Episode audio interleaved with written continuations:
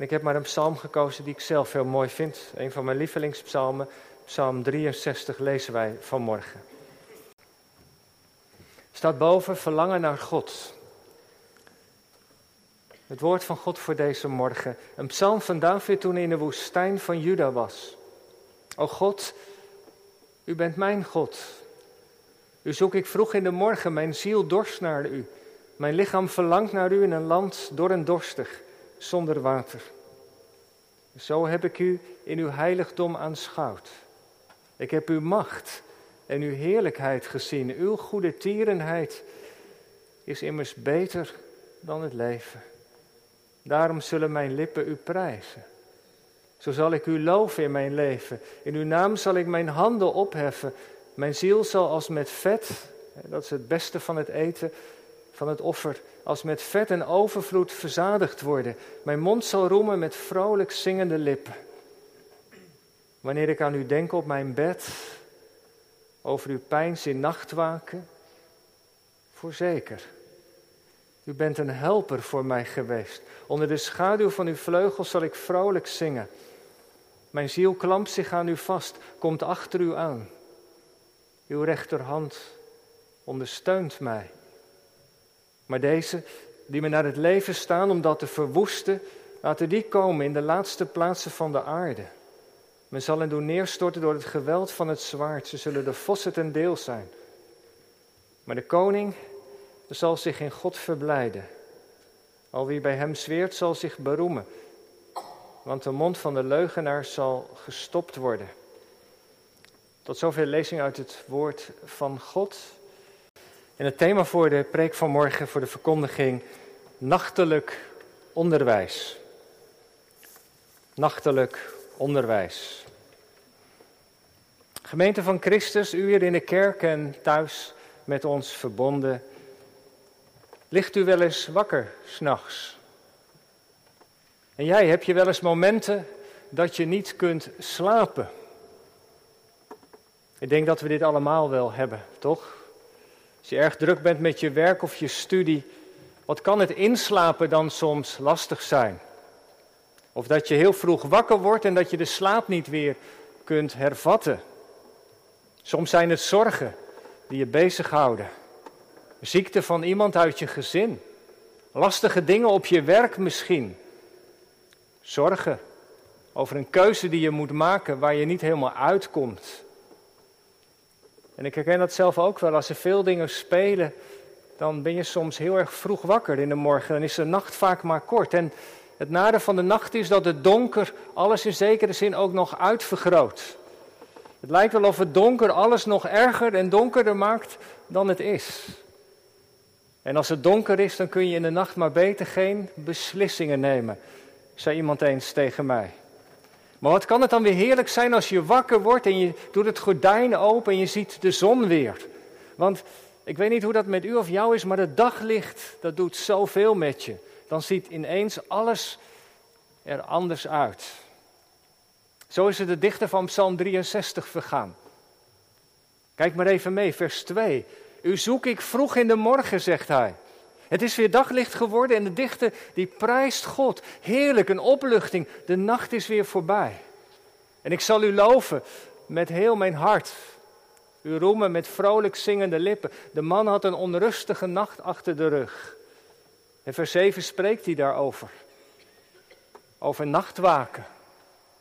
Dat is wakker zijn s'nachts. Pijnsen dan worden je gedachten vermenigvuldigd. Dan zit je te denken aan wat er al in je leven speelt. Nou, dan weet je wel hoe laat het is. Dan is het donker. En dan kan de slaap niet meer komen.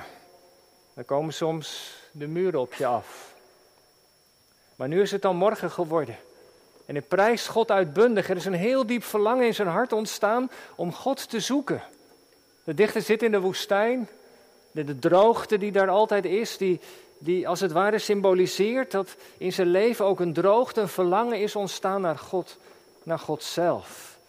Hij jubelt het uit. En ik weet niet hoe dat bij u of bij jou was, maar als je zo de psalm begint, begint te lezen, dan komt dat gelijk op je af, die intensiteit van die woorden. Ik smacht naar u, ik dorst naar u. Ik weet niet of u zo of jij zo vanmorgen in de kerk bent gekomen met dat verlangen, maar bij de dichter Hij staat om zo te zeggen, met alle vezels van zijn bestaan staat hij aan. Ik weet niet hoe dat bij jou is, maar als ik wakker word, dan, slaap ik, dan wrijf ik nog eens de slaap uit mijn ogen. Ik mopper misschien wat over de nacht die niet helemaal goed was. Zo gaat dat, maar, maar dat ik gelijk sta te jubelen. Nou ja, misschien nu wel onder de douche, maar meestal is het denk ik vaak wel anders. Maar die dichter die staat op, het is morgen en, en hij barst uit van vreugde. En je vraagt je af, hoe kom je er nou zo toe, hè, om zo eh, God te prijzen in de morgen?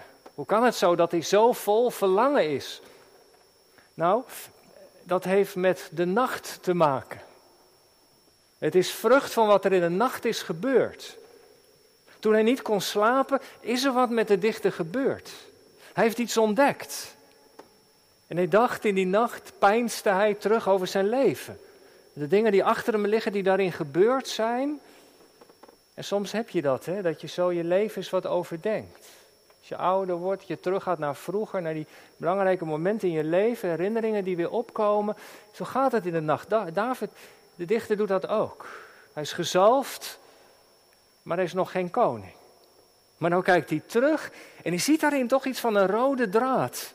Terugkijkend en Gods geest laat hem dat zien, zegt hij ja, voorzeker. Dat staat er even met nadruk, vers 8, voorzeker.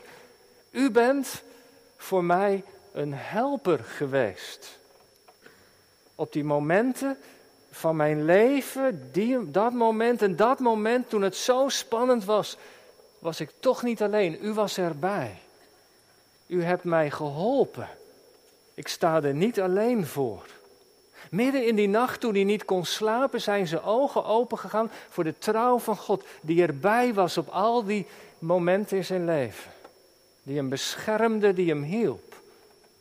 En hij mediteert nog wat door in de nacht en ziet de schaduwen. En opeens moet hij denken aan de schaduw van de vleugels van God. In die kamer waar hij zich bevindt of in die spelonk waar hij is, zijn de schaduwen van de nabijheid van God.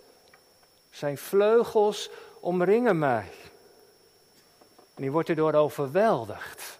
Als dat in zich doorbreekt, dan, kan, dan wordt het loflied geboren. Uw trouw is groot, uw macht zal nooit vergaan. Dat gebeurt natuurlijk niet elke nacht. Maar er zijn van die nachten die zo tot zegen zijn. Dat de geest je laat zien dat God erbij is, dat hij erbij was. Een helper, dat je niet alleen bent. Ja, dat, dat hij voor jou een weg baant. Dwars door de woestijn heen. God wijst mij een weg en eens zie je het. Dwars door de woestijn heen. De woestijn van het verlies misschien wel van die gebroken relatie, van dat verlies van een baan, van die langdurige ziekte, die diepe eenzaamheid, dat gemis van een vriend of vriendin, dat verdriet wat er is in je hart, die woestijn waar je in bevindt. En ineens ontdek je, ja maar, mijn leven ligt in de handen van God. Dwars door die diepte heen heeft hij mij gedragen. Op dat strand was er maar één spoor voetstappen. Maar hij was het die mij droeg.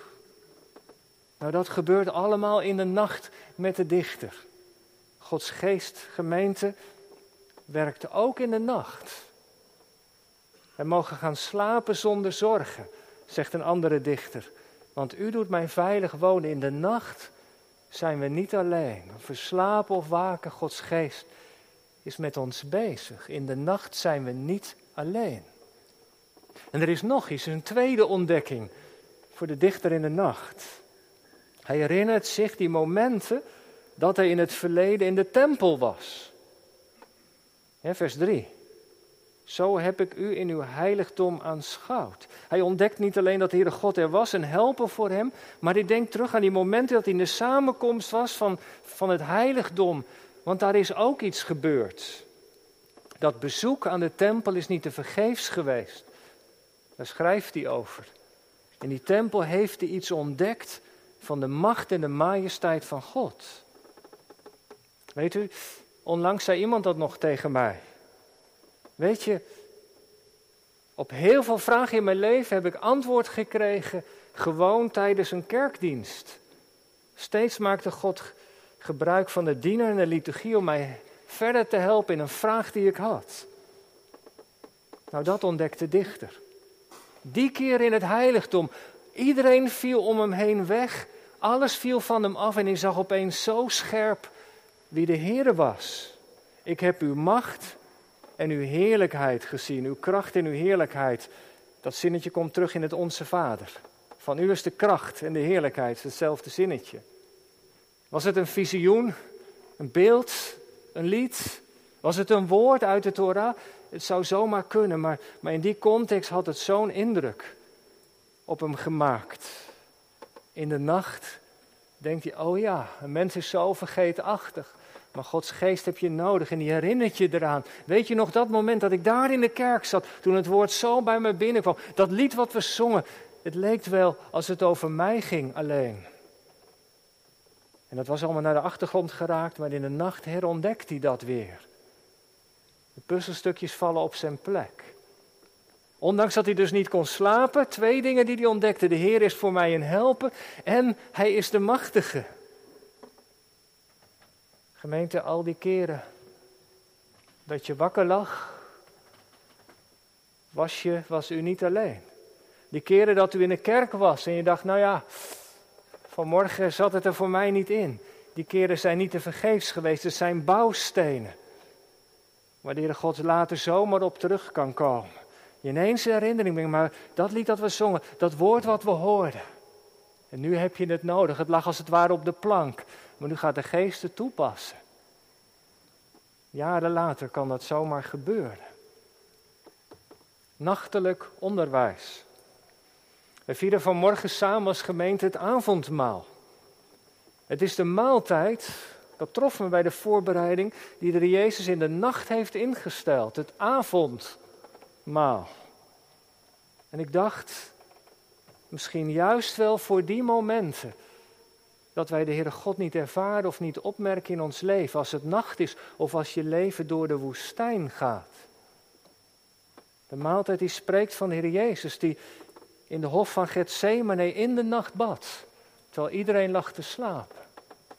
Toen hij in de nacht in het donker van Golgotha zijn leven gaf tot verzoening van onze zonden, waar hij het goed maakte tussen God en ons, daar gaat die maaltijd, die avondmaaltijd over. Het is de nachtmaaltijd die we vanmorgen vieren. Een maaltijd voor de nacht, voor de nacht van ons leven.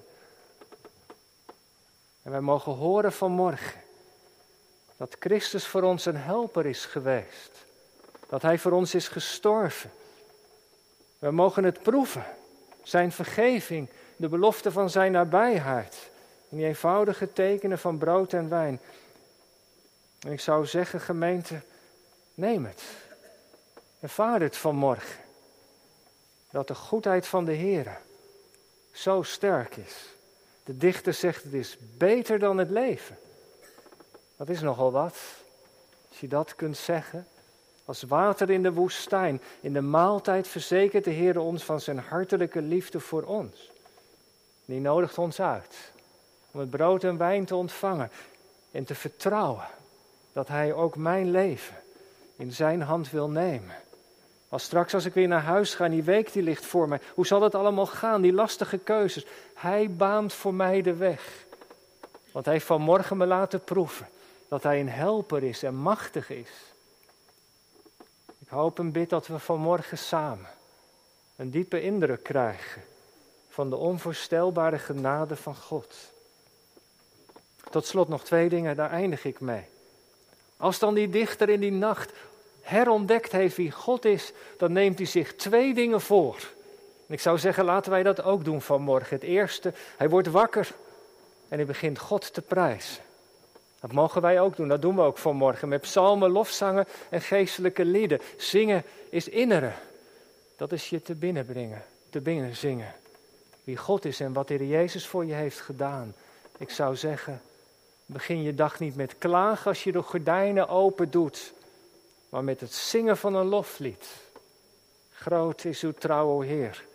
Hij is het waard, elke morgen weer opnieuw. En het tweede, de dichter in de nacht, hij denkt ook verder aan de toekomst. Moest kijken naar vers 9. Als hij dan ontdekt heeft dat de Heer erbij is, mijn ziel klampt zich aan u vast. Wat zie je voor ogen? Een kind dat bang is, klampt zich aan, het been van vader of van moeder. En zo gaat ze mee, die schuilt achter, achter die sterke papa, die sterke moeder. Zo doet de dichter dat. Hij zegt, God gaat voor me uit, ik blijf maar heel dicht bij hem. Maar hij baant de weg, ik hoef niet bang te zijn. Want op die weg, als ik met vallen en opstaan achter hem aanga, dan is daar die sterke rechterhand. Uw rechterhand ondersteunt mij. Hij vertrouwt erop dat God voor hem uitgaat, dat hij de weg baant en dat hij de helper is die niet zal falen. Dat heeft hij allemaal in de nacht ontdekt. En wij mogen vanmorgen, hopelijk ook, in de avondmaal tijd, ook dat ontdekken.